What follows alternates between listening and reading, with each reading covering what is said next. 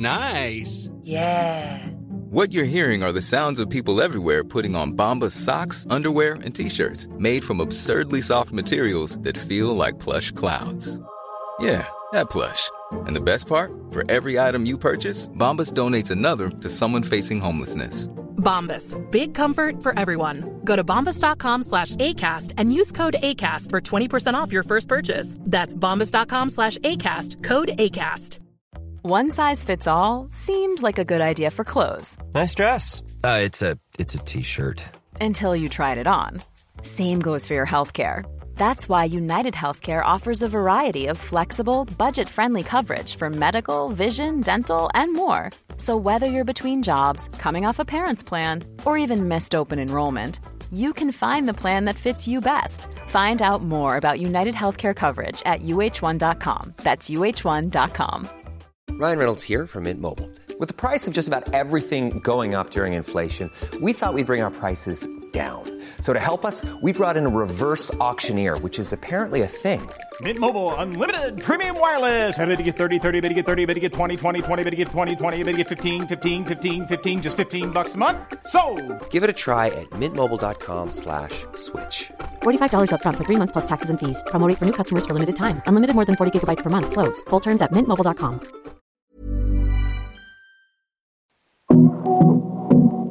Kära Karriärpoddslyssnare. Nu har det blivit dags för det 200 avsnittet. Det känns stort. Jag har ju funderat mycket på vad jag skulle hitta på för att fira det här. Jag vill ju göra ett annorlunda avsnitt. Helst skulle det ha varit en livepodd eller en hejdundrande fest med alla tidiga gäster eller så. Men det går ju inte i dessa tider. Men istället så har jag själv gett mig ut på en liten miniturné och återbesökt några av mina tidiga gäster. Det är också några av mina allra viktigaste gäster, nämligen de som tillsammans med min kompanjon Shanna och mig i Women for Leaders byggt det ledarprogram som vi är så oerhört glada och stolta över och som snart fyller fem år. De har på olika sätt bidragit med sin kompetens och designat delar av modulerna i programmet som bygger på deras erfarenheter som vd och ledare och vad som krävs för att vara ledare nu och i framtiden för att leda förändringen i våra bolag och organisationer. Det var också ledarskap i framtiden som var en av mina frågeställningar när jag gav mig ut på min lilla tur. Jag var också nyfiken på vad de summerar kring egna insikter och lärdomar som de vill skicka med i det här 200 jubileumsavsnittet. Sagt och gjort och lite ovant att ge sig ut med mikrofonerna i högsta hugg för mig och att genomföra lite kortare samtal än vad jag brukar göra. Förstås genomförde vi intervjuerna med coronaavstånd och försiktighet. Innan vi drar igång det här avsnittet så vill jag tacka Volkswagen Group Sverige som är Karriärpodden och Women for Leaders samarbetspartner. Men sist men inte minst, vad vore podden utan dig som lyssnar? Ingenting. Därför vill jag säga stort tack från hela mitt hjärta till dig som lyssnar, följer och hejar på det vi gör i Women for Leaders. Där vi vill påverka och driva arbetet mot ett mer jämställt näringsliv genom att lyfta fram fler förebilder och bereda plats för fler kvinnor att leda framtidens företag på olika sätt genom våra program. Men här kommer nu avsnitt 200, Karriärpodden On Tour. Jag heter Eva Ekedal.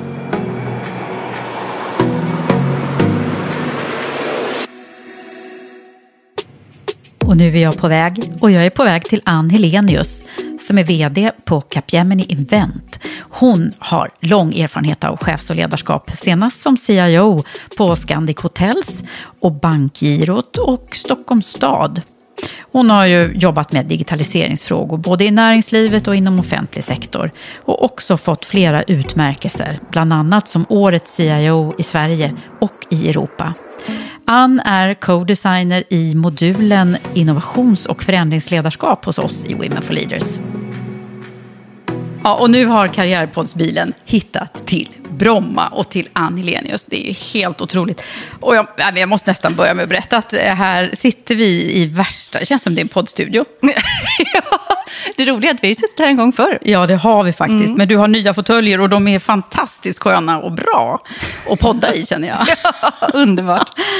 Ja, Ann. Nej, men jag har ju en mission med den här turnén och det är ju mm. dels att vi ska fira 200 avsnittet men också att vi ska prata om ledarskap mm. och framtidens ledarskap. Mm. Och det känns ju så spännande och bra att få prata med dig, som jag vet har bra spaning på det här. Vad tänker du när jag säger framtidens ledarskap? Men jag tänker att både framtidens ledarskap och dagens ledarskap handlar ju om att eh, vara, ha möjlighet att driva förändringar. Därför att världen ändrar sig så snabbt omkring oss och det kommer den fortsätta göra. Mm. Så jag tänker att vi kommer ha en situation där det kommer vara väldigt många olika typer av personligheter som blir ledare.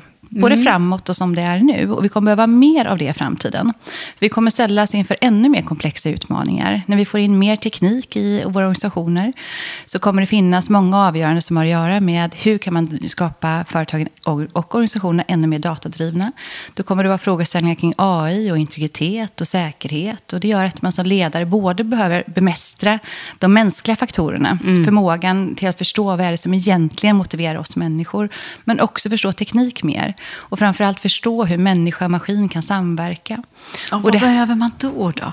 Ja, men då tänker jag att vi behöver ha många olika typer av kompetenser in i en organisation. Och som ledare så behöver vi vara ganska breda i vår förståelse för hur vi kan lära oss nytt, hur vi kan ta till oss nya kunskaper.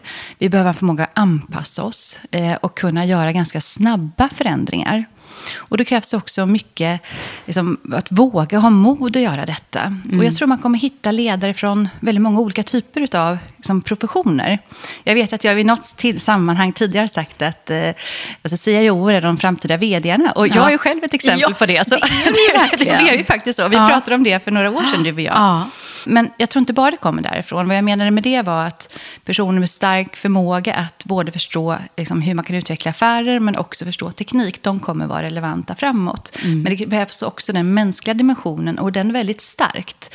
Därför vi framåt kommer vi också möta mycket rädslor, oro och det gäller att förstå också de här bitarna som har att göra med hur man faktiskt motiverar på riktigt och vad som får människor mm. att, att vilja vara med och driva utveckling. Den, den senaste tiden har ju faktiskt verkligen också förstärkt mm. det. Mm. Om du skulle göra någon koppling till, till det, det som ja, pandemin bär med mm. sig så att säga i form Ja, men jag tycker att det här har blivit ett stort förstoringsglas på hela ledarskapet. Jag har sett eh, ledare som tar fantastiska kliv i sin organisation just nu, som använder också digitala hjälpmedel på ett helt annat sätt för att liksom demokratisera innovationsprocesser. Och vad jag menar med det är att det finns ju möjlighet att få med sig hela organisationen när man också använder digitala liksom, möjligheter för att få upp idéer, för att ha dialog på ett sätt som är mycket svårare när man gör det fysiskt eller eh, gör det mer trubbigt kopplat till digitala enheter. Mm. Det finns ledare som lyckas väldigt, väldigt väl med det. Men det finns också ledare som verkligen inte alls klarat att ta de här kliven och lite dysfunktionella grupper. Där har snarare det här digitala sättet att leda förstärkt det dysfunktionella. Mm. Så det har verkligen prövat. Och jag, jag, ser ju att här har, som riktigt skickliga ledare, har verkligen möjligheter att, att få med sig ännu mer. Och det har faktiskt gjort studier med, som visar på att inte minst eh, väldigt många kvinnor leder och styr på ett fantastiskt sätt nu i den här mm. mer digitala kontexten. Och mm. jag tycker det är väldigt hoppfullt för alla, både för män och kvinnor, att, att anamma de digitala möjligheterna som, som faktiskt eh, många tagit kliv i under det här året. Mm. Men så det kanske som, också blir, tänker jag, ett, ett ledarskap som, som är mycket bredare. Mm. Alltså man kan mm. komma från fler ja. håll ja. Eh, och bli en bra ledare. Mm. Tidigare så var det ju ändå så att det var väldigt ensidigt hur man rekryterade vd till exempel. Ja. Jo, men det är jag övertygad om. Men jag tror också just de här förmågan att kunna ta in många olika perspektiv, det kommer bli ännu viktigare. Och då behöver vi också ledare som har kunnat rört sig i olika kontexter. Det är också en spaning jag har. Mm. Jag har ju själv egen erfarenhet av just det. Att mm. vara i allt från privat sektor till offentlig sektor, entreprenör och varit i konsultvärlden där jag också ja. är nu. Jag tror att kunna ta, ta sig mellan olika typer av eh, organisationer är viktigt. Därför mm. att då förstår man olika verksamhetslogik. Mm. Och det skapar också en bredare förståelse för frågeställningar. Och det tror jag också kommer vara viktigare längre fram. Mm. Eh, när världen blir mer och mer komplex så behöver man kunna se på saker och ting från, från ganska många olika vinklar för att få med sig människor. Men också för att få in innovation tillräckligt i, i organisationen. Ja, verkligen kloka ord det där. Och jag tänker att eh, de som är lite yngre och som är, funderar på vad de ska bli när de blir stora. Ja. Som, jag många gånger träffar ju många som, är, ja. som vill veta var, mm. hur vägen ser ut, så att mm, säga. Mm. Men då tänker jag att det är ganska hoppfullt det du säger nu. Det är bra ja. att prova. Det är bra att prova. Olika. Och det är bra att göra sig relevant i flera olika sammanhang. Mm. Det, det tror jag väldigt mycket på. Mm att eh, just ha provat att vara i olika typer av kontexter. Och det är bra att prova sig fram. Ja, det är ju det och det har du gjort. Och jag tänker att vi ska också få dyka in i dina kloka tankar när det handlar om dig själv och dina liksom, riktigt stora lärdomar. För nu är det ju, vet, det är stort nu, det är det 200 avsnittet. Ja. Nej, men jag tänker att eh, du har ju varit med förut i podden flera gånger eh, och, och delat delar av din både livs och karriärresa. Men om man skulle plocka någonting som är, som är det här viktigaste för dig, Men det, finns ju, det finns ju flera lärdomar. Och det härliga är ju att det fortsätter att utvecklas. Ens liv fortsätter och eh, man får nya lärdomar. Om jag tar några stycken så skulle jag säga att för det första så eh, gäller det att inte ge upp. Och, och det tycker jag själv att det har jag verkligen lärt mig genom det jag har varit med om. Jag har ju varit med om, precis som väldigt många andra, om också tuffa situationer. Gått igenom en skilsmässa, tar ensam hand om, om mina tre barn, som nu är ungdomar, eh, två av dem tonåringar. Eh, samtidigt som nu då i förra året gick min pappa bort mitt under corona. Och, och ändå orka stå där och vara stark som ledare. Och det, det är tufft. Eh, men en lärdom jag har dratt av det är att då gäller det att kunna att se, se det vackra, se liksom möjligheterna framåt. Och det gäller både ledarskapet och livet i allmänhet. I livet i allmänhet så handlar det om att få in glädje och klara liksom att ta sig igenom de svåra perioderna för man också ser framsteg och ser, har ett hopp om att saker och ting också ska bli bättre. Eh, Men det anammar ju också mycket ledarskapet och lärt mig mycket av det. Därför inte minst under ett sånt här år som pandemin, där det är många som har tyckt det varit riktigt, riktigt tufft. Då måste man också klara att se det som går framåt, se det ljusa, tro på det goda och se också det som faktiskt rör sig i rätt riktning och sätta ljus på det. Det är en av de viktigaste lärdomarna och det gör jag verkligen ledarskapet. Jag pratar varje vecka funderar jag över vad har egentligen gått åt rätt riktning den här veckan. Och vi pratar om det. För vi människor måste bli påminda om det vackra, om framstegen, om rörelsen i en positiv riktning framåt. Och det tycker jag är en otroligt viktig lärdom just kopplat till ledarskap. Ja, och så viktigt att tänka på varje dag. Och jag vet ju att du eh, gör massa bra saker för att hålla dig själv på det här nästan. Eh, det är ju helt fantastiskt att du lyckas hålla den här positiva andan hela tiden. Vad har du för knep? Ja, men det är så individuella de knep man har. Men, nej, men för min del handlar det mycket om att aldrig gå ner tillräckligt mycket energi utan fylla på den liksom konstant. Fylla på med, eh, med sömn konstant. eh, Se till att jag fyller på med sånt som, som också gör mig glad och lycklig. Och man orkar så mycket mer än vad man tror. Det är också en annan lärdom. Eh, nej, men som när min, pappa gick bort, det var en förfärlig upplevelse under förra året som verkligen påverkade mig djupt. Och jag känner med så många som var med om samma sak som jag var förra året. Eh, det, det är många som fått vara med om att eh, det blivit stora påverkan efter corona. Eh, och dagen efter att stå och kunna hantera hela sin personal i en organisation som just då fick väldigt stora svårigheter. Den typen av situationer är vi med om som ledare. Men vi klarar också det. Vi klarar det så mycket mer än vad man tror. Och det gör vi genom att också ha människor omkring oss, att, att kunna prata om det, visa sin sårbarhet och samtidigt sin styrka i det. Och det tar jag med mig också av det här året. Eh, Och vill också skicka med liksom en positiv boost till er som lyssnar. Att vi orkar mer än vad vi tror. Och det är det som också gör oss starka. Att kunna få prata om det som är jobbigt ibland, men sen samtidigt stå stark där. Och se vägen framåt. Tack snälla Ann. Tack för att du tog dig tid. Och nu styr jag resan till Anne Åneby och Nordic Morning Group, där hon är koncernchef. Anne brinner för innovation och entreprenörskap och att lyfta fram både människor och bolags utvecklingspotential.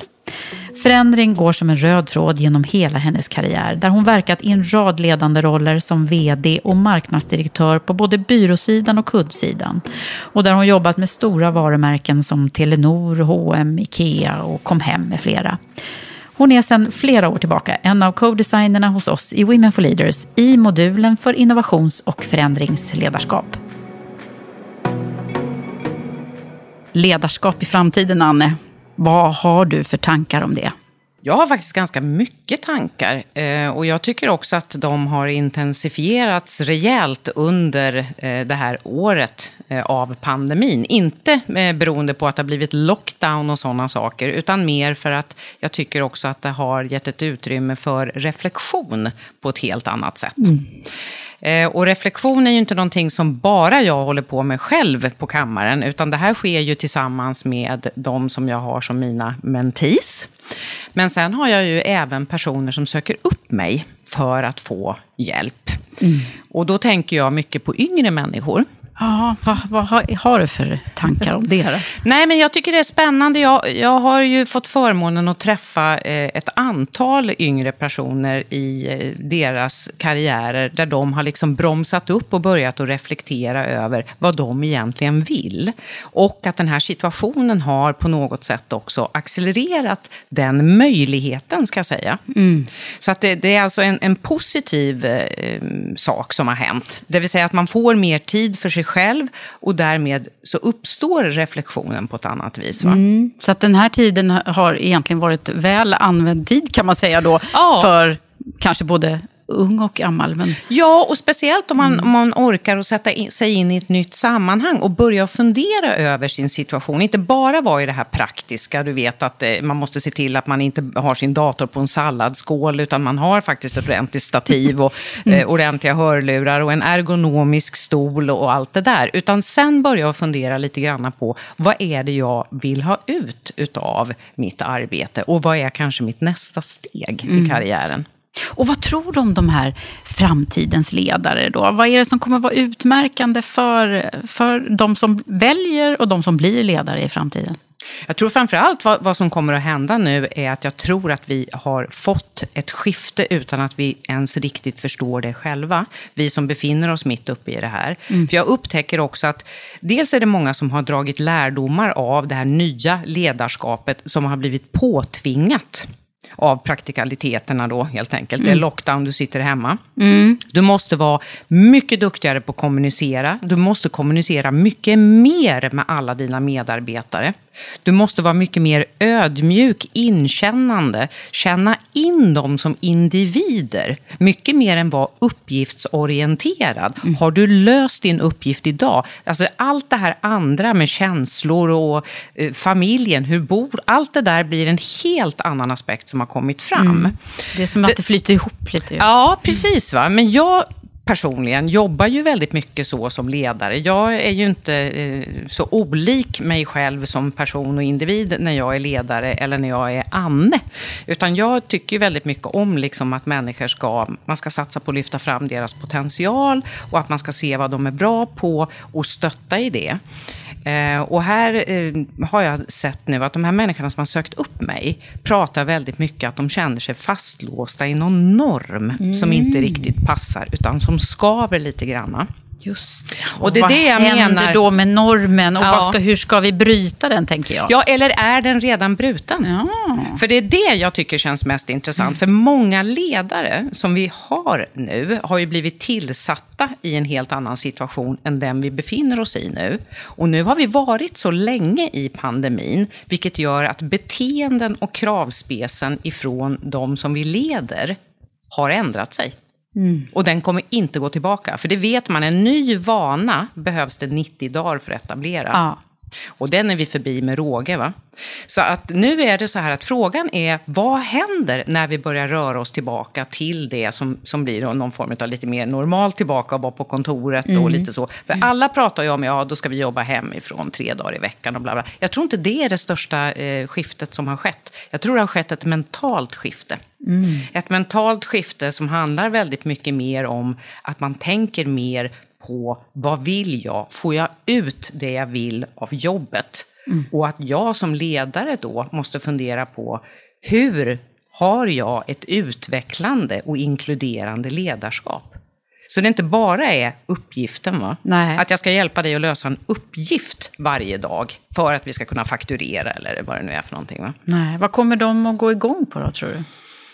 Jag hör ju väldigt mycket, för jag passar ju på att träffa de här människorna och jag tycker det är jättespännande att få den här inputen. De går igång på mer idéer, visioner, framåtlutat. Mm. Att det, det, ska hända någonting. Kanske inte vet exakt vad, men att man ska försöka få in mer energi, mer tempo. Eh, och samtidigt få med människan på ett helt annat sätt. Mm. Och det är klart, då blir det ju mer lustfyllt och ett helt annat driv. Gud, och jag tycker spännande. väldigt mycket positiva liksom, framtidskänslor, trots att vi fortfarande sitter i en väldigt Ja, knepig vi. situation. Va? Mm, visst, så det det är inte med så avstånd. här att de kommer och liksom är deppiga, det, det Nej. tolkar mig inte så, utan tvärtom, utan mer så här liksom, det, det känns som de börjar ladda Ja, för verkligen. någonting som ska komma. Och, och då är det så här, har det skett någonting Mm. mentalt?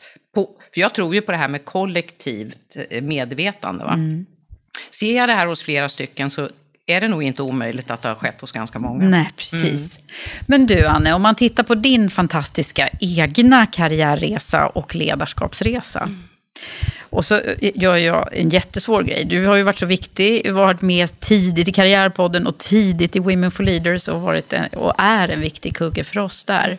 Men när jag, när jag liksom ber dig reflektera över din egen karriärresa, vad är det som är sån här kärnan i det som du vill skicka med, som du har lärt dig genom dina år? Och nu tänker jag ju kanske extra mycket på kvinnliga ledare. Ja, jag förstår det. Men jag tycker ju faktiskt också att jag ser att det är väldigt många unga män som behöver Ja, den här exakt. stöttningen. Va? Därför att det är, det är lika mycket män som Ja. kvinnor som söker upp mig. Alltså först blir jag ju så här, jag blir ju alltid lite generad när du Mm. ger mig så här jättepositiv lovebombing. För att jag, jag känner ju själv att när, när jag började så var det inte så, det fanns inte så mycket stöd runt omkring överhuvudtaget. Och jag var väldigt, kände mig väldigt utsatt. Nu hade jag ju ett enormt stöd i min pappa och min mamma och min bror som jag också berättar i Karriärpodden. Men jag eh, skaffade mig också en terapeut tidigt för att liksom lära mig att balansera och få med hela människan. Och det, det är inte omöjligt att det också då naturligtvis har påverkat eh, resten av karriären rätt rejält. Men jag tävlade ju i tennis som ung. Vi hade ju faktiskt träningspsykologer när jag redan är tio år. Så att det här med liksom att, få med eh, hur, hjärnan liksom funkar och, och, och jobba med liksom att komma över olika hinder och sådär, det, det etablerades ju väldigt tidigt hos mig det har genom du haft idrotten. med dig. Ja, absolut. Och på ett väldigt otvunget sätt. Liksom, att det, mer liksom så här, det handlar om att få, få saker och ting i balans på något sätt. Va? Så vad blir medskicket till Ja, andra medskicket är att försöka eh, liksom inte göra våld på sig själv. Jag tror jag säger det i Karriärpodden, att försök att hitta din inre röst. För det tycker jag är väldigt mycket så att när, när jag pratar med människor, så det spelar ingen roll egentligen om det är ung eller gammal, så är det många gånger så här att för vem gör man saker? Är det du som spelar huvudrollen eller gör du någonting för att det är någon annan som vill det? En förälder, normen, Kanske det gäng som du ingår i eller någonting sådär. Det, det, är, det är så det bör se ut. Jag tror det är jätteviktigt att tänka på hur bör det se ut för mig och för att jag ska komma till min rätt. Men man måste ju också hitta sin rätta miljö där man kommer, liksom, man kommer fram på rätt sätt. Jättebra. Så gå tillbaka till dig själv och Ja. fråga, Ja. vad är bra för mig? Ja, precis. Och vad är dina egna inre drivkrafter? Vad är det du gillar att göra? Vad går du igång på? Tack snälla Anne. tack själv. Och nu dags att besöka Veronica Rörsgård på utbildningskoncernen Academedia, där hon är vd för Pysslingen Förskolor. Hon var tidigare IT och HR-direktör på Skanska och har även hon lett stora förändringsarbeten. Hon brinner för att skapa en framgångsrik verksamhet genom att jobba med ledarskap, värderingar och mångfald. Och är också hon co-designer i Women for Leaders i den strategiska modulen. Hej Veronica, nu är jag ju hos dig här på Academedia. Ja, men hej och välkommen hit. Det är lite öde här, men Ja, det kul att du är här i alla fall. Men vi har coronaavstånd och allting är ordentligt. Men du, eh, jag är ute på min turné och håller på och spanar på framtiden och på framtidens ledarskap. Och jag vet ju att du har en massa erfarenhet. Så jag tänkte att, ska vi sammanfatta det på bara några, några meningar? Ja, men det är ju superenkelt. Ja, enkelt. Vem är framtidens ledare, tror du? Och hur ser de ut? Ja, men det är väl en fråga som man kanske alltid funderar på, men speciellt nu när vi är i pandemitider. Vad är liksom beständigt och vad kommer att fungera eh, även efter pandemin? Eh, men eh, jag har ju klurat på det här lite grann i alla fall. Och eh, jag tänker att framtidens ledare, många frågor är så komplexa, eh, så att det kräver liksom många olika kompetenser, många olika funktioner. Och då tänker jag mycket att eh, framtidens ledare blir liksom den som förmår massa olika funktioner, en grupp med hög mångfald att fungera ihop. Mm. Att kunna jag vet inte vad jag ska säga, orkestrera eller få, liksom, få ut allas perspektiv så man får till den här kollektiva intelligensen som man brukar prata om. Mm. På ett bättre sätt än, än vi har historiskt. Jag tror inte vi har prövats lika mycket, utan att man har kommit ganska långt, även om man har liksom haft mer separata tydliga funktioner och tydliga processer. Mm. Eh, men givet både tempo, och komplexitet och nya frågor och behovet av att ställa om, så Mm. tror jag att det behövs lite en annan dynamik på ledare. Ja, och det är så intressant för du har ju en bakgrund som är både, den är ju väldigt mångfacetterad, för du har ju varit HR-direktör och eh, CIO. Eh, och nu är du ju helt eh, affärsledande för Mm. verksamheten, helhetsansvar. Vad, vad, vad tror du att framtidens ledare kommer att komma ifrån? Vad är bra att ha med sig för typ av kompetens?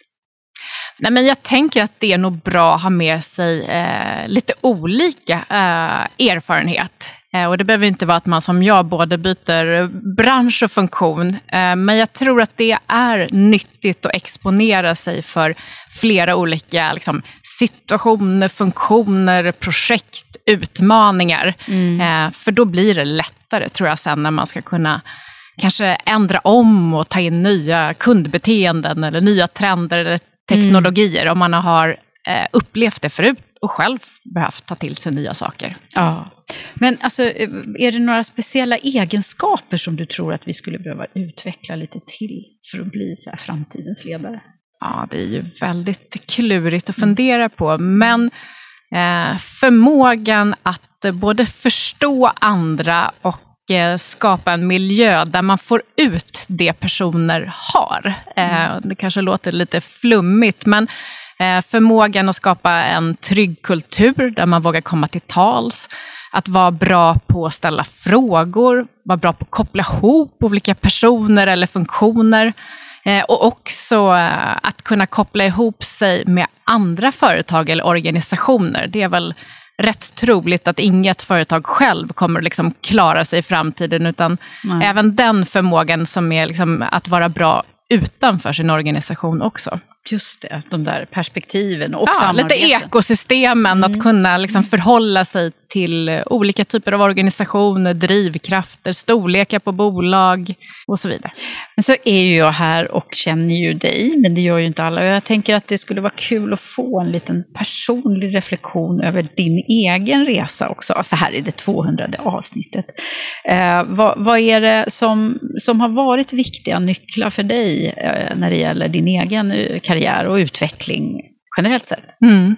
Nej, men som du säger, så jag, jag började, mitt första jobb var i eh, IT-branschen, sälj inom IBM. Eh, och viktiga nycklar för mig, jag har alltid varit rätt så nyfiken och liksom lite obrydd. Och ska man vara elak kanske man kan säga att i början lite oreflekterande. Så att då tänkte jag mer, eh, och eh, som du vet så brinner jag för, för liksom mångfalds och inkluderingsfrågor. Men man kan väl säga i början så var det mer så här, ja, bara gör ett bra jobb så löser sig resten. Eh, då kommer det att märkas och sådär. Och sen eh, Jobba ha- på. Jobba på och vara duktig. duktig eh, och sådär. Och, eh, eh, det kan man ju säga att eh, över åren då så har jag ju kommit att både liksom se och själv uppleva att så enkelt är det inte. Det finns massa strukturer och, och eh, saker i kulturen som gör att eh, det inte alltid är så enkelt. på, ja. Ja. Mm, det tror jag vi kan känna igen. Ja. Och sen eh, på senare år har ju själv, ja, men bland annat i, i eh,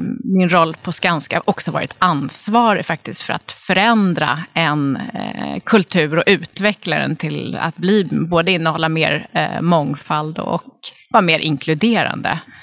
Ehm, Vad har det betytt för dig då?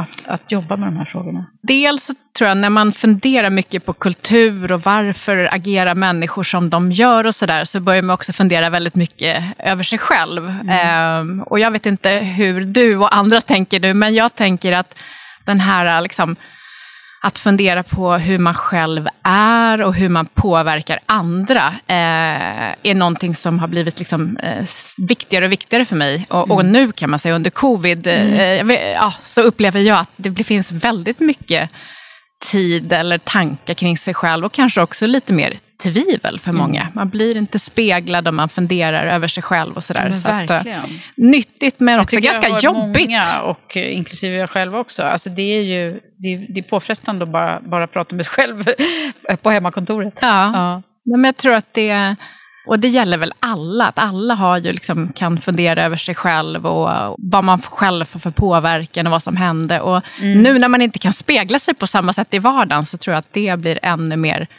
vanligt. Och, så det, det gör ju också att många mår ganska dåligt mm. när man börjar med självtvivel. Ja. Och det är ju vanligt också att vi kvinnor har extra mycket press på oss att vi ska vara en det ena än det andra. Mm. Vad, vad, tycker du? Vad, vad, är det vi ska göra för att slippa den här liksom, prestationsångesten och självtvivlet? Det här duktig flicka-oket, ja. eller vad ska jag säga, som jag själv också har haft och delvis också har. Mm. Det tror jag, liksom, mm. Man skulle gärna vilja säga att man, det har man helt kastat av sig, men det tror jag inte jag kan säga eh, i alla fall. Men jag tror dels att eh, vi kan hjälpa varandra och sortera om man öppnar upp och vågar liksom vara sårbar och prata om hur man känner, då kan man också få hjälp att sortera och se att det är inte så farligt. Och alla mm. känner så. Det gäller för övrigt män också, så det här är ju ingen eh, fråga för, mm. för tjejer. Så det är väl en sak att våga ta upp frågor istället för att bära för mycket själv och tänka att man alltid måste lösa alla saker själv. Utan mm. Ta hjälp ta hjälp. Mm. Och ibland är det ju inte ens hjälp. Det kan ju vara bara att prata med någon om hur du känner, att något känns jobbigt eller du inte vet hur du ska göra. Och det har jag blivit bättre på. Jag tänker hur man att från början skulle man vara så otroligt duktig och bara prestera, så det var mm. helt otänkbart att liksom säga att man inte visste. Mm. Eh, nu tror jag att man vinner tvärtom jättemycket på att säga att jag vet inte. Men vad har du då för medskick till, till de som lyssnar på det här nu? Vad blir ditt så här, this is my Pay it forward. Ja, pay it forward. Nej, men det är ur två dimensioner. Dels att vi eh, ska hjälpa varandra, lyfta fram varandra, få varandra att våga ta stegen. Också väldigt här, öppna dörrar, rekommendera varandra, visa på att det finns eh, duktiga kvinnor eh, som kan ta stora roller, både i operativa roller och i styrelsen. Mm. Eh, och sen som individ, att liksom våga ta chansen och eh, vara modig. Och mm, det finns massor med personer runt omkring som också kommer vilja att lyckas. Så våga.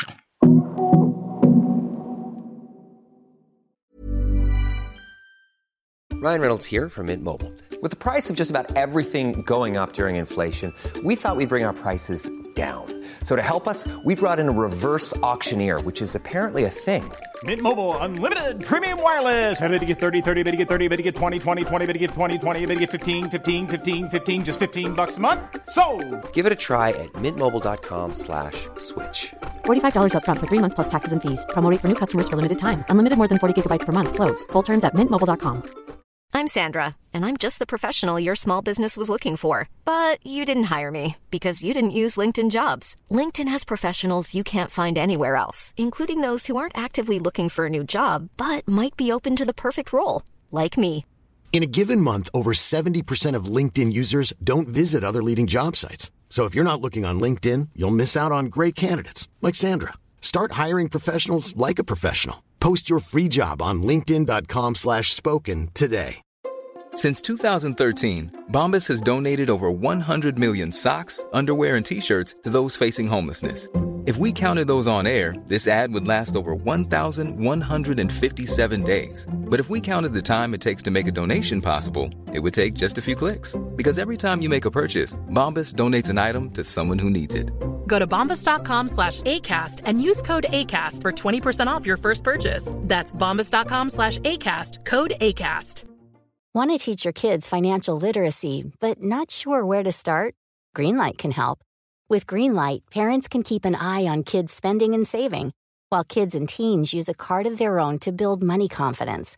As a parent, you can send instant money transfers, set up chores, automate allowance, and more. It's a convenient way to run your household customized to your family's needs, and the easy way to raise financially smart kids.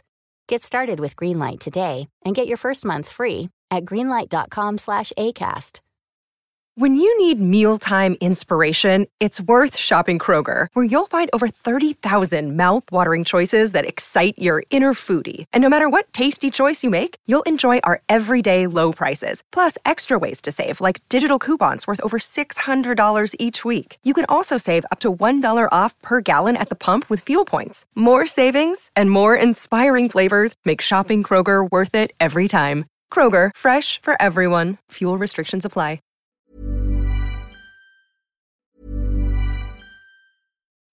When you need mealtime inspiration, it's worth shopping Kroger, where you'll find over 30,000 mouthwatering choices that excite your inner foodie. And no matter what tasty choice you make, you'll enjoy our everyday low prices, plus extra ways to save, like digital coupons worth over $600 each week. You can also save up to $1 off per gallon at the pump with fuel points. More savings and more inspiring flavors make shopping Kroger worth it every time. Kroger, fresh for everyone. Fuel restrictions apply.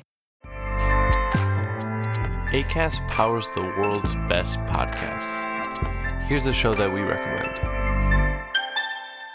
The Real Housewives is a guilty pleasure for most, but if you're looking to not feel guilty about that pleasure, tune in to Everything Iconic with me, Danny Pellegrino, where I break down all the messy moments and behind the scenes antics of Bravo's popular franchise. And on Everything Iconic, I also interview celebrity guests like Kelly Ripa, Kiki Palmer, Drew Barrymore, Cameron Diaz, and more about their guilty pleasures, their past work, and so much more.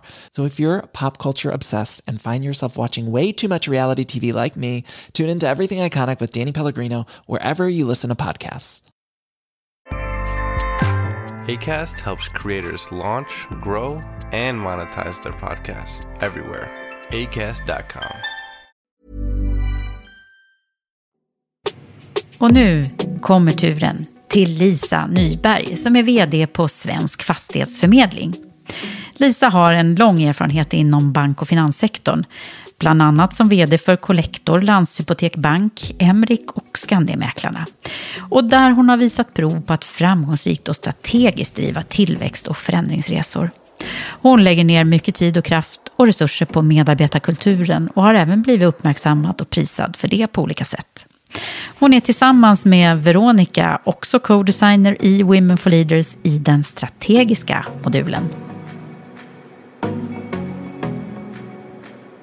Lisa, nu är jag här hos dig, hemma hos dig. Vad roligt att få göra podd med dig, Eva, i mitt kök. Ja. ja, och du har ju så många bra erfarenheter vad gäller ledarskap. Vd i hur många år som helst i, i massor med olika konstellationer. Så nu vill jag höra dina, dina tankar om framtidens ledare. Mm. Vilka är de, mm. tror du? Och vilka, den, är, den där tycker jag är så otroligt spännande, Eva. För jag funderar mycket på det. Eh, och det jag, om, om, man börjar tänka på hur kommer vi att vara? Eh, nu sitter du och jag här i en poddinspelning. Vi syns väldigt mycket. Vi syns i media som är tillgängliga för allt och alla. Mm. Eh, och vi får människor som verkligen dyker in i både verksamheterna och personerna. Mm. Så jag har tänkt jättemycket på det här, hur viktigt att vi är genuina. Mm. Eh, vi kanske förr kunde spela som ledare en roll när vi gick till kontoret. Det funkar inte så idag. Nej. Alltså, eh, du måste vara Lisa. Och det måste synas och du måste mena det du säger. Det tror jag är så här man pratar om, vad är det för viktig egenskap imorgon? Mm. Sen har vi att ju... vara de vi är, alltså det är det du... Ja, men på riktigt. Mm. Det är liksom... Eh, det... Man säger många gånger att det syns vad du tänker. Och idag syns det inte bara vad du tänker, utan du syns i alla medier. Mm. Och där ser man vem du är. Mm. Och då kan man inte säga, ja, men jag är en bild på hemma och jag är en annan bild på kontoret. Så funkar det inte längre. Utan du måste vara genuin. Mm. Det, det, måste stå för ett genuint ledarskap och för genuina värderingar. Det måste liksom grunda i dig. Mm. Det tror jag är så här om man pratar om vad kommer vara viktigt för morgondagens ledare. Det kommer inte gå att fejka ett ledarskap på riktigt. Det, det funkar inte längre. Vad är det mer då, tror du? Som, vad, vad, vad är det för typ av egenskaper som framtidens ledare? Ja, jag tror kommunikation Det har varit viktigt länge. Det blir mer och mer viktigt. Det blir viktigt att kunna kommunicera internt, kunna kommunicera externt. Eh, och där tänker jag mycket på sådana frågor som du vet ligger nära mig. Och det är att ha en strategi, en tydlig strategi, prata om det strategiska ledarskapet och kunna kommunicera det. Så att människorna som vi har i vår organisation förstår vilken resa vi ska göra. Eh, för den här detaljerade ledarskapet där man går in, det funkar inte. För vi kommer inte, vi kommer inte vara så nära varandra och vi kommer inte kunna göra det. Utan du måste ha en bild av vilken resa så jag kan ha ett självledarskap. Mm. Så jag säger, och, och sen tror jag så här, att världen går så fort så det modiga kommer att vara viktigt. Så då tänker jag så här, en tydlig strategi, där du som ledare, morgondagens ledare, måste kunna kommunicera den så alla fattar vad det innebär för mig. Mm. Så att jag kan ha mitt självledarskap. Jag måste vara genuin i mina värderingar, vad jag står för. Och du måste vara modig och kunna fatta beslut snabbt. Ja, och kunna vara modig att också vara den jag är. Precis så. Ja. Och modig att faktiskt ändra dina beslut när du behöver det. Mm. För det är väl någonting som jag har lärt mig under det här året att liksom leda utan att fatta ett dugg om vad som händer imorgon. Ja, det, det har du fått känna på och alla andra också. Och alla andra ledare. Där vi har varit tvungna att fatta beslut men vi vet inte ett dugg, behöver fatta ett annat beslut imorgon. Mm. Men du, framtidens företag då? De som mm. är sådär i framkant mm. och, och lönsamma, mm. framgångsrika. Tror du de har tänkt på något speciellt? Ja, vet du, jag tror att det finns flera saker som kommer att vara viktiga. Eh, och, och jag måste börja någonstans med det vi är så måna om. Du och jag pratar om mycket, gender diversity. Jag mm. tror att man på riktigt har förstått att mångfald mm. på alla delar i verksamheter ålder, kön, eh, etnicitet, var kommer vi ifrån, alltihop. Det kommer vara så viktigt mm. om du ska vara ett riktigt bra företag. Mm. Kulturen kommer vara mer viktigt än någonsin. Att vi står för någonting där vårt why blir tydligt i verksamheten. Och då kommer en sån sak som vi inte kan säga att ja, det, det skriver vi lite om i årsredovisningen, hållbarhet. Mm. Utan hållbarhet, det måste genomsyra hela verksamheten. Och då kan man säga, finns det någon speciell bransch? Ja, men jag tror att alla branscher där vi lever vår kultur, där vi har hållbarhet och där vi har förstått att mångfald är något viktigt, det kommer att vara morgondagens absolut lönsammaste verksamheter. Mm. Word. Men du Lisa, nu är det 200 avsnittet och mm, vi håller på och wow. summerar och har ja. oss här. Och du har ju varit med två gånger tidigare, eller tre gånger eller vad det kan vara. Men jag tänkte så här, om du också får summera lite för din egen del. Vad är det som är sådana här riktigt viktiga lärdomar som du också kan omvandla till bra medskick mm. till de som kommer nu, alla framgångsrika kvinnor mm. som vi vill ha som ledare? Mm.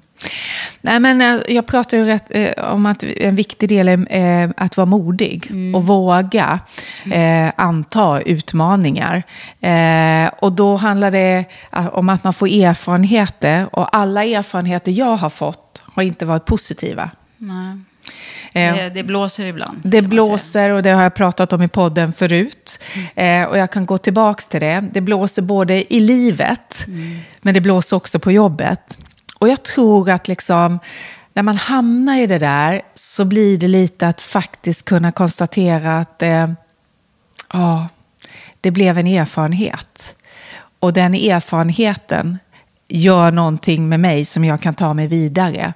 Eh, och erfarenheter är ju aldrig tungt att bära. De kan vara tunga för stunden, det kan vara jobbigt för stunden. Men jag mm. tänker att att få det med sig, eh, att våga och när man antar de här utmaningarna, det blir lite jobbigt, det blir lite tufft. Men det är ju faktiskt då vi lär oss någonting mm. riktigt. Jag tänker på det året vi har haft, när jag ser många av mina medarbetare som har haft det jobbigt. Mm. Oavsett vad du är för person, vad du är för ålder, liksom, så är det människor som har haft det tufft. Okay. Eh, och jag kan själv se på mig själv vad jag har lärt mig under det här året och vad jag är bra på och vad jag inte är bra på. Ja, tell me. Ja, men alltså jag, jag tror att en av mina styrkor det är att komma in i ett rum och känna hur människor mår. Mm. Eh, och kunna göra det på riktigt. Och det har jag haft utmaningar med nu. Eh, och har behövt få hjälp av människor som står i min koncernledning. Att se, ser vi någon som mår dåligt, hjälp mig. Och försöka fånga det där. Och så har jag konstaterat att de samtalen, när jag hittar dem, kan jag inte ha digitalt. Jag måste ta en walk and talk. För att känna på riktigt. Och det märker jag, jag är inte bra digitalt. Alltså min, min Lisa kommer inte riktigt fram digitalt. Jo då, i den här digitala kontexten kommer det gå jättebra. Ja, det är bra. Ja, men jag fattar vad du menar. Skärmen är i vägen på något sätt. Ja, men den är det för att liksom kunna förstå människor, känna människor. Och ibland, ja, men man sitter där, fattar de alltid vad jag säger och, och vad jag menar och hur mår de? Och liksom, ja, Den har jag tyckt Och varit... vad, vad, vad är liksom kontentan av det då? Nej, min kontent av det här är att när jag slipper vara enbart digital så vet jag vilka möten jag aldrig mer kommer ha digitalt. Och jag har också lärt mig en sak, att när jag har mina one-to-one så är det egentligen mycket bättre att ta dem promenerandes. Eller hur? Vilken lärdom och vilka bra samtal när vi inte sitter inlåsta i det där rummet utan vi tar en promenad, vi behöver inte titta på varandra hela tiden. Det kommer så många bra tankar och man vågar vara mer öppen. Det är en fantastisk lärdom tycker jag. Så mer walk and talk helt enkelt. Jag tycker det. Och fundera på ta, det, ta de bra grejerna med oss, vad vi har lärt oss nu. Ja, verkligen. Och om du skulle få säga ett slutord, vad blir det? Eh, men mitt slutord, och jag vet att jag har sagt det här så många gånger. Men du får säga det en gång till. Våga anta en utmaning. För det jobbigaste man kan få efter det, det är en erfarenhet och det är någonting bra. Mm, precis, och man kommer ut på en högre nivå oftast. Alltid. Och nu har det blivit dags för ett besök hos Johanna Frelin, vd på Riksbyggen. Tidigare var hon vd på Tengbom och eh, Hyper Island och innan dess flera chefspositioner inom SVT. Johanna har prisats för sitt värdebaserade och faciliterande ledarskap. Bland annat genom priser som Årets mest innovativa ledare och Årets vd. Hon är också co-designer i Women for Leaders i modulen som heter det värderingsstyrda ledarskapet. Johanna, nu är jag ju ute och spanar här. Och eh, det ska bli så kul att få... eh, Jag är hemma hos dig. Det, det jag känns, vet, jag eh, jobbar ju här nu. Ja, det är så härligt. Men vad är det för spaningar som du har dragit och som du fick i huvudet när jag, när jag sa att jag ville komma på span till dig? Nej, men det, dels tänker jag, alltså jag tror ju den här pandemin har ju påverkat oss för alltid till viss del. Till viss del kommer vi också gå tillbaka till lite gamla vanor och det vi har längtat efter. Men den, det har ändå påverkat oss hur vi jobbar och hur vi, vi lever, hur vi bor. Eh, för alltid. Och jag tänker så här att det som kommer bli väldigt liksom, i ropet nu, det är liksom så här, hur kan man leda på distans? Därför att vi kommer fortsätta jobba till viss del hemifrån. Inte minst kanske på våren i influ influensatider, Ja. när vi har, vi har blivit så medvetna. Precis. Och då tänker jag ju jättemycket på liksom, distansledarskapet. Och det har ju pratats mycket om det och många jobbar ju globalt och sådär. Och, och, men jag tror att det hamnar i vår vardag nu på ett helt annat sätt. Mm, verkligen. Och dels är, handlar det väldigt mycket så praktiskt, hur leder jag ett jäkligt bra digitalt möte? Ehm, därför att det, jag ser ju också, det är lätt att man kopierar agendan man hade när man hade livemöten och så kör man in det digitalt, vilket gör att det blir på tok för långt, det blir tråkigt, det blir tjatigt och folk vill helst lämna, eller använder mötet som radio medan de gör något annat. Ja. Och då tappar man ju i engagemang. Eh, så dels bli duktig på att leda så här korta, rappa möten. Och det kräver att du måste vara mycket mer förberedd. Eh, du måste ha mycket mer struktur. Och även som vd så behöver du ha viss projektledningsförmåga. Ja. För att kunna projektleda det här mötet och processerna online. Som du kanske inte behövde ha när det var live. Nej. Hur, hur gör du då? Nej, men så jag har tränat ganska mycket eh, nu eh, och även tidigare. Men jag försöker tänka på seminarier, möten som liksom tv-sändningar. Och jag har en gammal Ja, historik. nu får ju du användning av din Exakt, jag är ju bakgrund. gammal tv-producent och har använt mig jättemycket av det tänket, liksom, att aldrig ha, liksom, att har man en programpunkt som är en kvart lång, ja, men då kan, kan, kanske man sen har en programpunkt som bara är två minuter. Och sen att jag själv faktiskt har lärt mig att kasta ut folk i teamsgrupper grupper. Jag sitter inte och väntar på att någon annan ska göra det. Utan att, att försöka göra mötet mycket mer dynamiskt. Mm. Så du är facilitator? Jag är facilitator Verkligen. ofta. Mm. Och sen dra in olika, man kan tänka tv-konceptmoment. Så att man kanske har en liten panel. Sen har man en liten redovisning, sen har man en inspiratör, sen har man en workshop. Att man verkligen får tänka många korta moment. Mm. Um, så att man inte har de där mötena där en sitter och pratar i 45 minuter. Nej, det för går det, ju inte. Det blir ju för tråkigt. Ja. Ehm, men jag tror också att i och med distansarbetet så tror jag också att förmågan att skapa nära relationer som chef kommer bli ännu viktigare. För det är det vi har längtat så mycket efter nu. Ja, och jag mm. tror att distans, eh, distansarbetet gör ju att empatin efter en tid minskar. Mm. Så du måste fylla på i relationskoppen mm. eh, lite då och då. För den kommer att tömmas i och med distansarbetet. Mm. Så när du väl ses, då är det att prata om teamet, hur vi jobbar, om tillit, eh, vem vi är, våra drivkrafter. För att fylla på liksom den här öppenheten och tilliten. Mm. Så det gäller att lägga tid på det då också i framtiden? Man måste lägga tid på det. Och det kan man även göra digitalt. Mm. Um, man det är klart att det är bäst eh, liksom, i live. Skärmen men är om, ju lite Ja, men det blir också bra digitalt. ja. Um, att, att göra det. Um, och kanske dela upp folk i grupper så att det känns lite intimare. Om man nu kopplar det också till dig själv. Eh, och vad du, nu är det ju 200 avsnittet som du vet. Och du var ju en av de viktiga eh, som var med väldigt tidigt i podden. Och, jag, och du har ju följt oss och jag har fått följa dig på din resa här nu, den senaste tiden. Mm. Vad är det som du, eh, när vi nu ska liksom skicka med bra saker mm. till, mm. som du har fått med dig? Vad tänker du på då? Branschhopp, mm. eh, flera stycken. Eh, och jag har ändå landat ganska, eller det har gått bra liksom. Jag har landat mjukt och det har gått bra. Och då har jag funderat mycket på vad är det som gör att jag faktiskt lyckas med det. Mm. Ska vi göra en snabbspaning bara? Från televisionen till, till utbildning, utbildning, till arkitektur och nu i bostadsbyggarbranschen. Mm. Och förvaltningsbranschen. Um, nej men, jag har liksom en, det har mognat fram under året kan man säga. Jag började som expertchef. Och då var jag liksom också ganska noga. Jag var 30 år gammal. Var ganska, jag var ganska noga på att visa att jag var duktig. Att jag hade svar.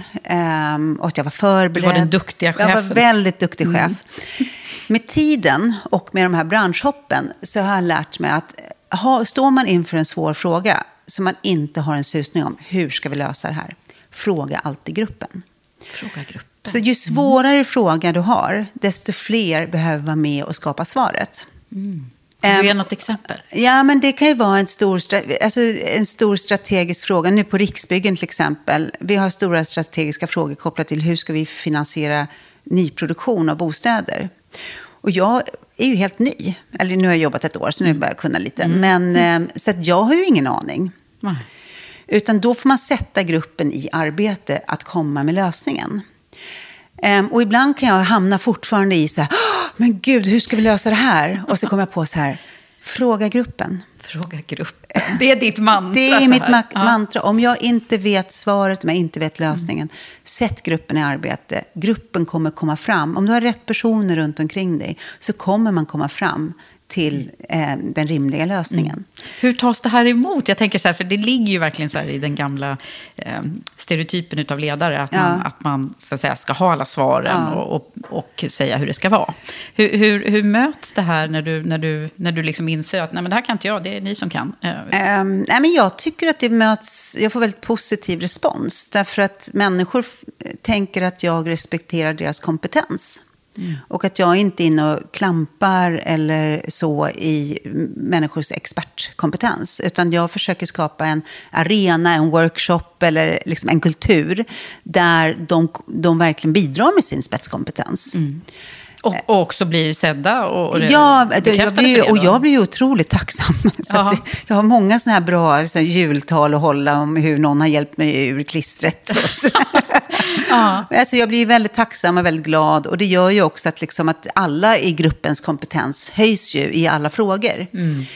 Ehm, så jag, jag tycker när jag väl släppte det där att jag inte behöver den smartaste personen i rummet så blev det otroligt skönt. Jag fick ett helt annat yrkesliv och jag blev mycket, mycket tryggare i att alltså det jag ska vara smartast på det är att samla de smartaste personerna i rummet och faktiskt skapa en, en miljö, en kultur, en arbetsmiljö där de vågar vara smarta eh, och säga vad de tänker och tycker och komma med idéer.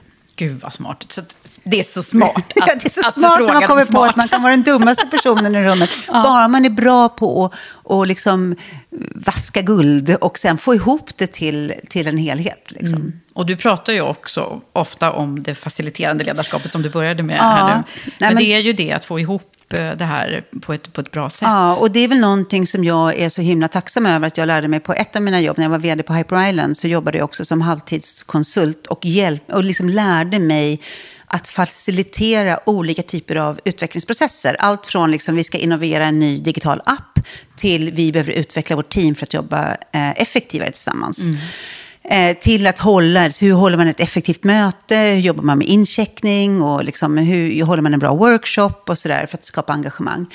Eh, det är teknik och metodik. Så det kan ju faktiskt alla lära sig. Eh, och sen så hjälper det om man tycker det är lite kul också. Men man måste inte det, utan man kan lära sig metodik. Ändå. Ja. Ehm, så att det är jag ju otroligt tacksam över att jag har fått träna på jättemånga företag. Ehm, och det använder jag ju mig av nästan dagligen. Ja, det ser ju vi i- Women for Leaders också. Ja, Väldigt- absolut. Så glada Ja. för det. Men du, om man så här avslutningsvis skulle skicka med någonting till, eh, som handlar om eh, att ta sig vidare i karriären. Mm. Vad, vad vill du säga då? Alltså, det, det kan ju låta som en floskel, men våga hoppa. Och det, det handlar ju liksom om att våga säga ja ibland. Att jag sa ja till att bli vd för Riksbyggen tycker jag själv var jättemodigt. Eh, men det är ju självklart, det är ett sånt himla rolig, roligt uppdrag och, och svårt uppdrag. Eh, och helt utanför min komfortzon. Men jag eh, vågade göra det. Så det vill jag skicka med. Men det handlar också om att om man befinner sig i en väldigt jobbig arbetssituation, att faktiskt våga lämna. Eh, Och jag tycker att de flesta som jag har mött under mina år, som har lämnat fast de inte visste vad de skulle till, har landat mjukt.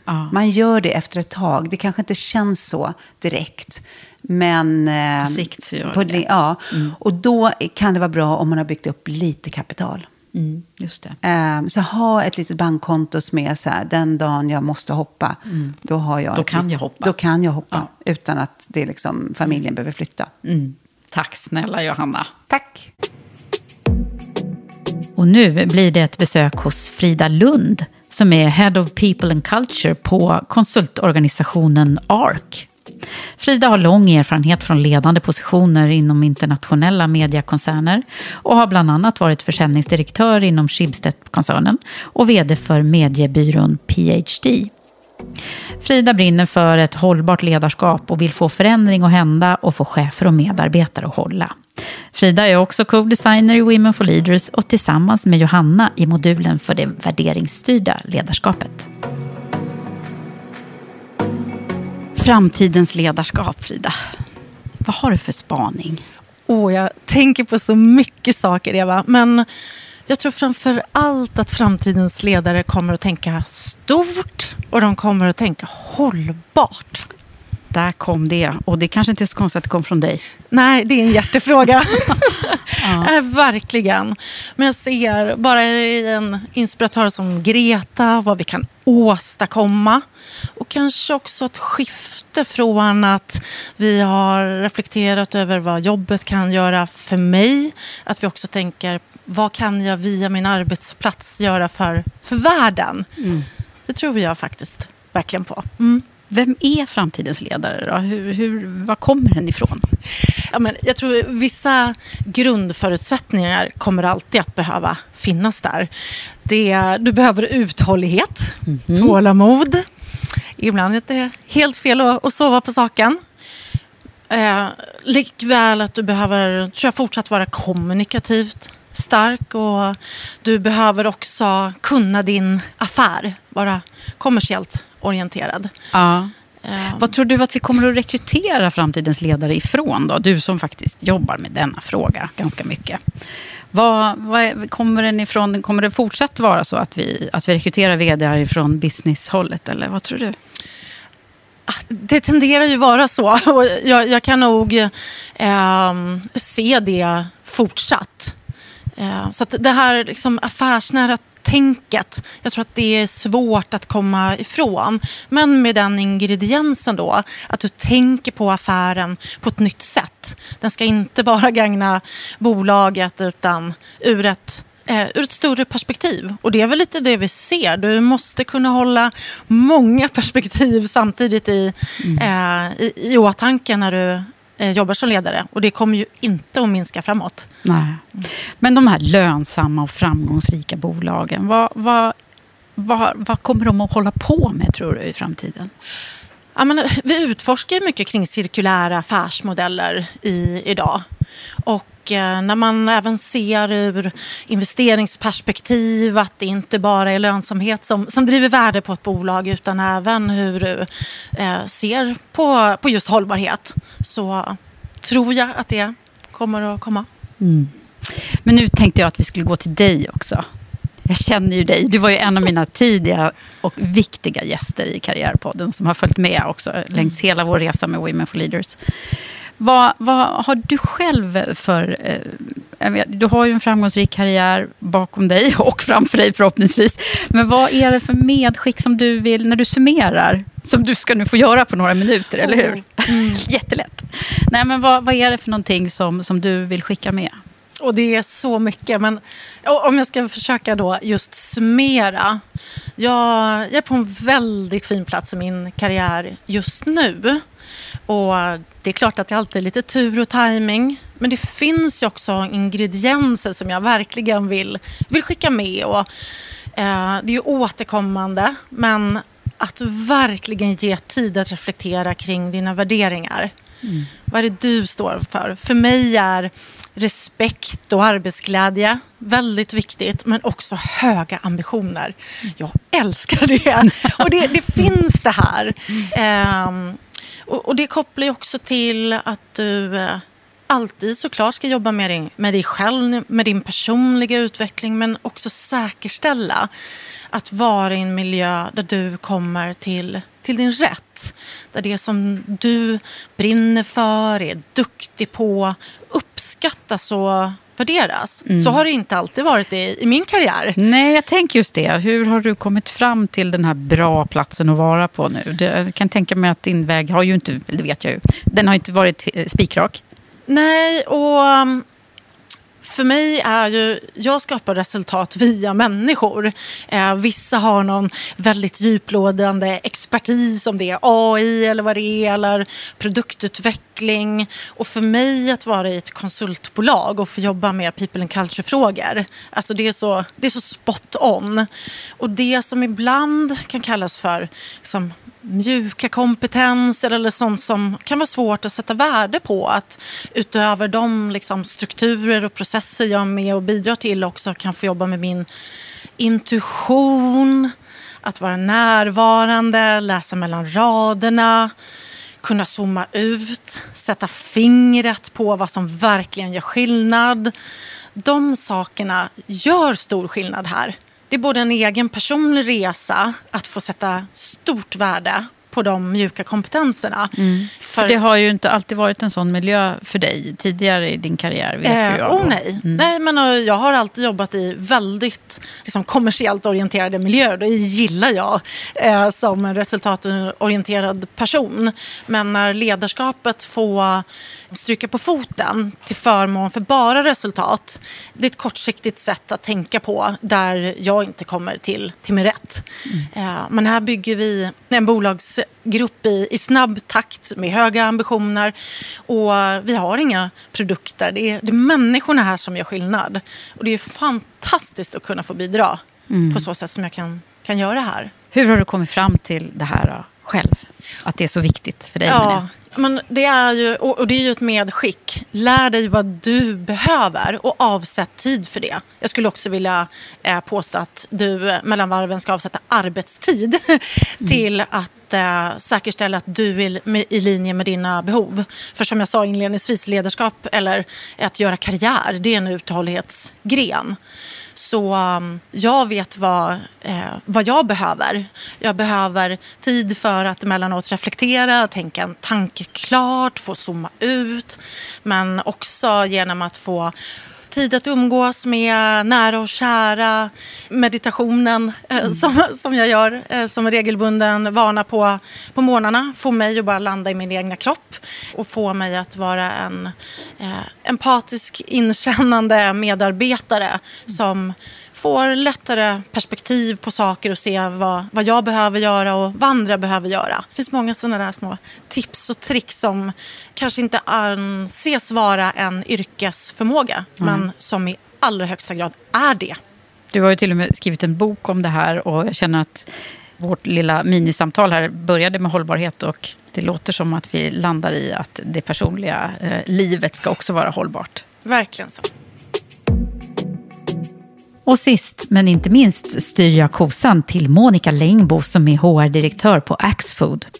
Hon har många års erfarenhet av ledarutveckling, chefsrekrytering och strategiskt HR-arbete. Hon har tidigare varit HR-direktör på Manpower Group och där drivit flera stora förändringsprocesser genom åren. Och hon brinner verkligen för en inkluderande företagskultur genom sunda värderingar. Monica är en erfaren ledare både som mentor och coach och har stöttat många exekutiva ledare och så även hos oss i Women for Leaders där hon är co-designer och hennes modul heter så passande det coachande och kommunikativa ledarskapet. Jag vet ju att du har väldigt mycket tankar och teorier och, och idéer om det här. Men vad, vad, vad tänker du när jag säger bara ledarskap i framtiden? Vad kommer det att innebära? Ja, jag tycker att det är jättespännande frågor. Eh, och som är högst, väldigt breda och Väldigt breda och högst relevanta. Som ju eh, både jag och väldigt många andra håller på att fundera väldigt mycket kring. Men jag ska säga att det går inte att prata om framtidens ledarskap utan att ta hänsyn till det vi har gått igenom eller går igenom med pandemin. Eh, och vad jag menar med det är då att eh, vi har lärt oss också, eller tagit till oss om, om alltså ledarskapsegenskaper som vi faktiskt behöver och som gör skillnad, som vi kanske inte sett lika tydligt tidigare. Mm. Och det är just det här med det inkluderande ledarskapet, att vara väldigt närvarande och flexibiliteten. Men också det här med att vi behöver vara lika bra på faktiskt att leda på distans eh, och även då ha ett självledarskap. Och även då att hur, hur fixar vi att skapa också engagemang eh, mm. och kreativitet och innovation även när vi ska jobba på, på distans. Mm. Och det där är ju nästan en hel podd till. Och, men vad, vad, säger du om, vad, är liksom, vad har varit viktigt för dig i, i, i den här kontexten utav att man får tänka lite annorlunda i ledarrollen? Under det här året eller mm. generellt? Ja, nej, under det här året tänker jag. Nej, men det har ju varit just det här att hitta nya liksom, ledarskapsegenskaper hos mig som jag bara tagit för givet. Mm. Alltså hur är jag eh, att leda på distans? Eh, och också just det här att vara närvarande. Hur kan jag säkerställa att då, mina medarbetare, som är mina direktrapporterande, att de upplever att jag är närvarande? Eh, och att jag finns där och ställer mål och följer upp och, och, finns som ett stöd i, i vardagen. Mm. Och sen handlar det väldigt mycket också om, om det här med välmående också. Och det har ju för all del också varit väldigt mycket kopplat till säkerhet också. Mm. Mm. Men jag skulle säga att det handlar mycket om, eh, för mig i alla fall, om, om tillit. Att, eh, och också någon sån här äkthet eller transparens. Mm. Att mina medarbetare ska märka av eh, min ambition. Eh, och att mm. eh, jag är då liksom genuin i, i mitt ledarskap. Även om det är en Teamsruta? Ja, mm. och det är inte lätt. Nej. Mm. Men om vi tittar på ledarskap på, på, lite längre sikt då. Vad är det för, kopplat till det här kanske, eller i, i allmänhet, som du ser? Hur kommer det utvecklas eh, på längre sikt? Vad är det för typ av ledare vi, vi kommer att ha i framtiden? Nej, men jag tror ju, som väldigt många säger, så är jag också övertygad om att vi kommer vara eh, mer, alltså, mer coachande. Alltså det kommunikativa coachande ledarskapet. Det kommer vara mycket mer fokus på lärandet. Eh, och mindre på kontroll. Och också som ledare att också eh, se till att släppa potens, alltså få fram potentialen hos de som vi leder. Just det här självledarskapet. Att jag har inte alla svaren, jag ska vara bäst på att leda. Mm. Eh, det är rätt avgörande. Sen tror jag, jag tror faktiskt också att vi kommer se exempelvis eh, fler eh, vdar, börs styrelseordförande och så vidare från andra skrån än vad vi är vana vid. Ja, men vad roligt att du säger, för det där är ju något som jag spanar lite på nu. Ja. För jag tycker att, att det, alltså, historiskt sett så har man ju alltid rekryterat vd i, i princip från business eller möjligtvis en tidigare CFO eller något sånt. Ja. Eh, hur, hur, hur, vad tror du? Det, det här du säger nu, det, man, vilka områden kan man komma ifrån? Nej, men jag skulle faktiskt säga att jag tror att vi kommer se, eller jag är övertygad om att vi kommer se på sikt att det kommer komma fler, exempelvis från det skråt som jag eh, representerar, HR. Eh, För det är ju inget snack om att, att HR, och framförallt det HR som är liksom oerhört affärsdrivet, så, att det kommer finnas eh, många som kliver fram och att man förstår att det behövs både alltså people management och business management och att det finns i HR i allra högsta grad. Mm. Så det är också mycket framtiden, där Mm. det finns mycket mer alltså, säga, system och, och affärsanalys och så vidare Mm. eh, i, i, liksom i, i, i, i det affärsmässiga också som kommer i Precis. andra skrån. Inte bara det kanske mer traditionella i, i finans eller Nej.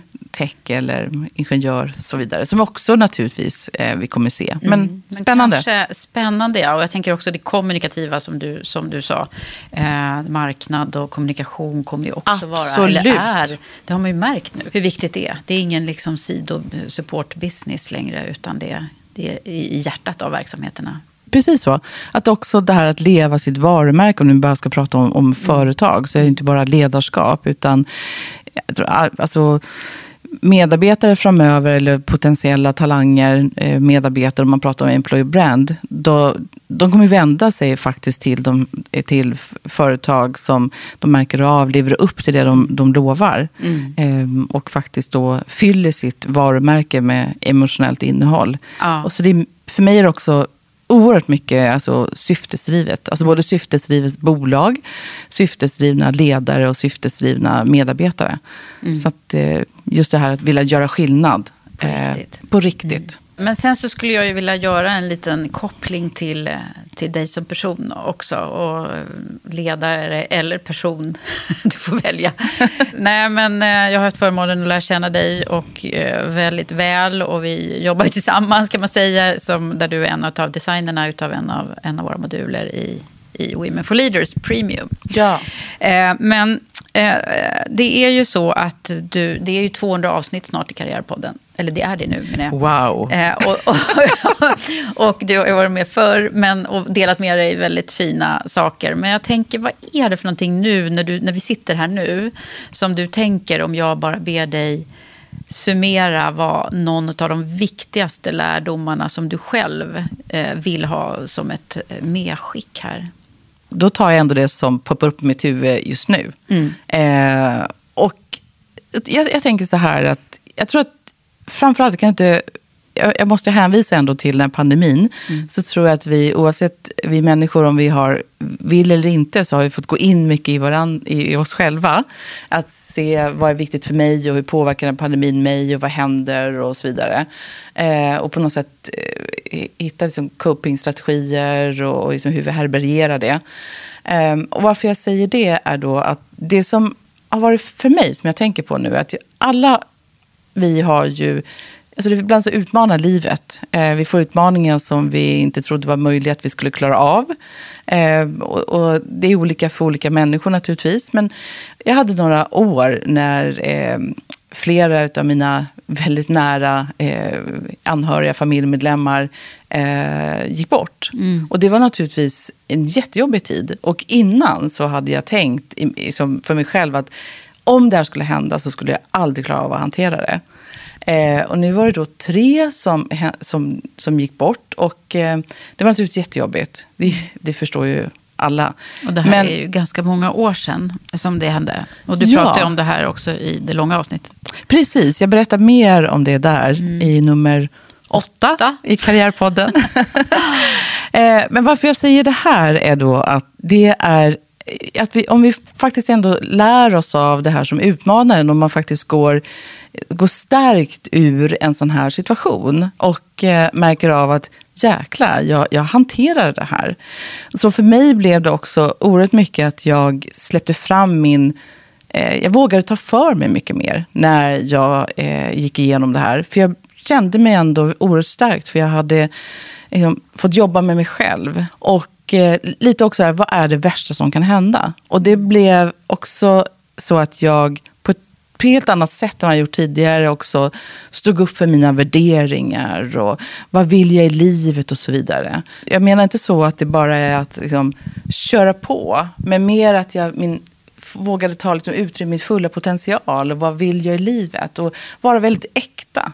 Och det är jag väl gl- jag är glad för, och det är kanske märkligt att säga så, men just det som jag var med om så blev det ändå så att det blev tydligt för mig att det gav mig eh, den, här, den här eh, styrkan. Och det har hjälpt mig jättemycket i mitt ledarskap. Alltså vem är jag och vad klarar jag av och så vidare. Mm. Och kan också då leda väldigt mycket eh, också medarbetare som har utmaningar, för det har vi ju. Och det har hjälpt mig oerhört mycket under den här, eh, den här, perioden pandemin. Mm. Det här är ju väldigt intressant och jag tycker du sätter fingret på mycket i det här. Att, att de här, och speciellt nu då som du säger, alltså under den här perioden så har vi ju upplevt alla tror jag att det har varit utmaningar och, och, och eh, också en mental ohälsa som ju har tyvärr tagit spridning hos många medarbetare och, och chefer. Ja, och som vi också som ledare behöver hantera framöver. För eh, det är ju må, alltså dels så är det ju möjligheter som föds, alltså, naturligtvis om vi nu liksom kallar det det här en kris som vi gått igenom. Men just det där att också finnas där i alla situationer. Att våga möta upp eh, alla de här uttrycken. Det är jätteviktigt i ett eh, ledarskap. Det kommer vara ännu viktigare framöver. Att just kunna leda med empati och närvaro och vara väldigt eh, lyhörd och inlyssnande. Mm. Men för den delen inte på något sätt glömma bort att också kunna sätta mål och, och vara affärsinriktad. Det vill jag verkligen vara tydlig med. Mm. Det går hand i hand. Stort tack. Vad roligt att du har varit med mig på min lilla turné och lyssnat in alla som medverkat i det här specialavsnittet. Blir du nyfiken och vill veta mer om programmet, gå in på womenforleaders.com. Slutligen vill jag också slå ett extra slag för EQ Executive Search. Searchbolaget som rekryterar moderna ledare till ledningsgrupper och styrelser med ledorden EQ och Equality. Gå in och läs mer på eqexecutivesearch.com. Nu hörni, tar jag sikte på nästa avsnitt och nästa och nästa. Och ser fram emot flera härliga timmar tillsammans med dig och mina kommande gäster. Det var allt från Karriärpodden den här gången. Jag heter Eva Ekedal. Vi hörs snart igen.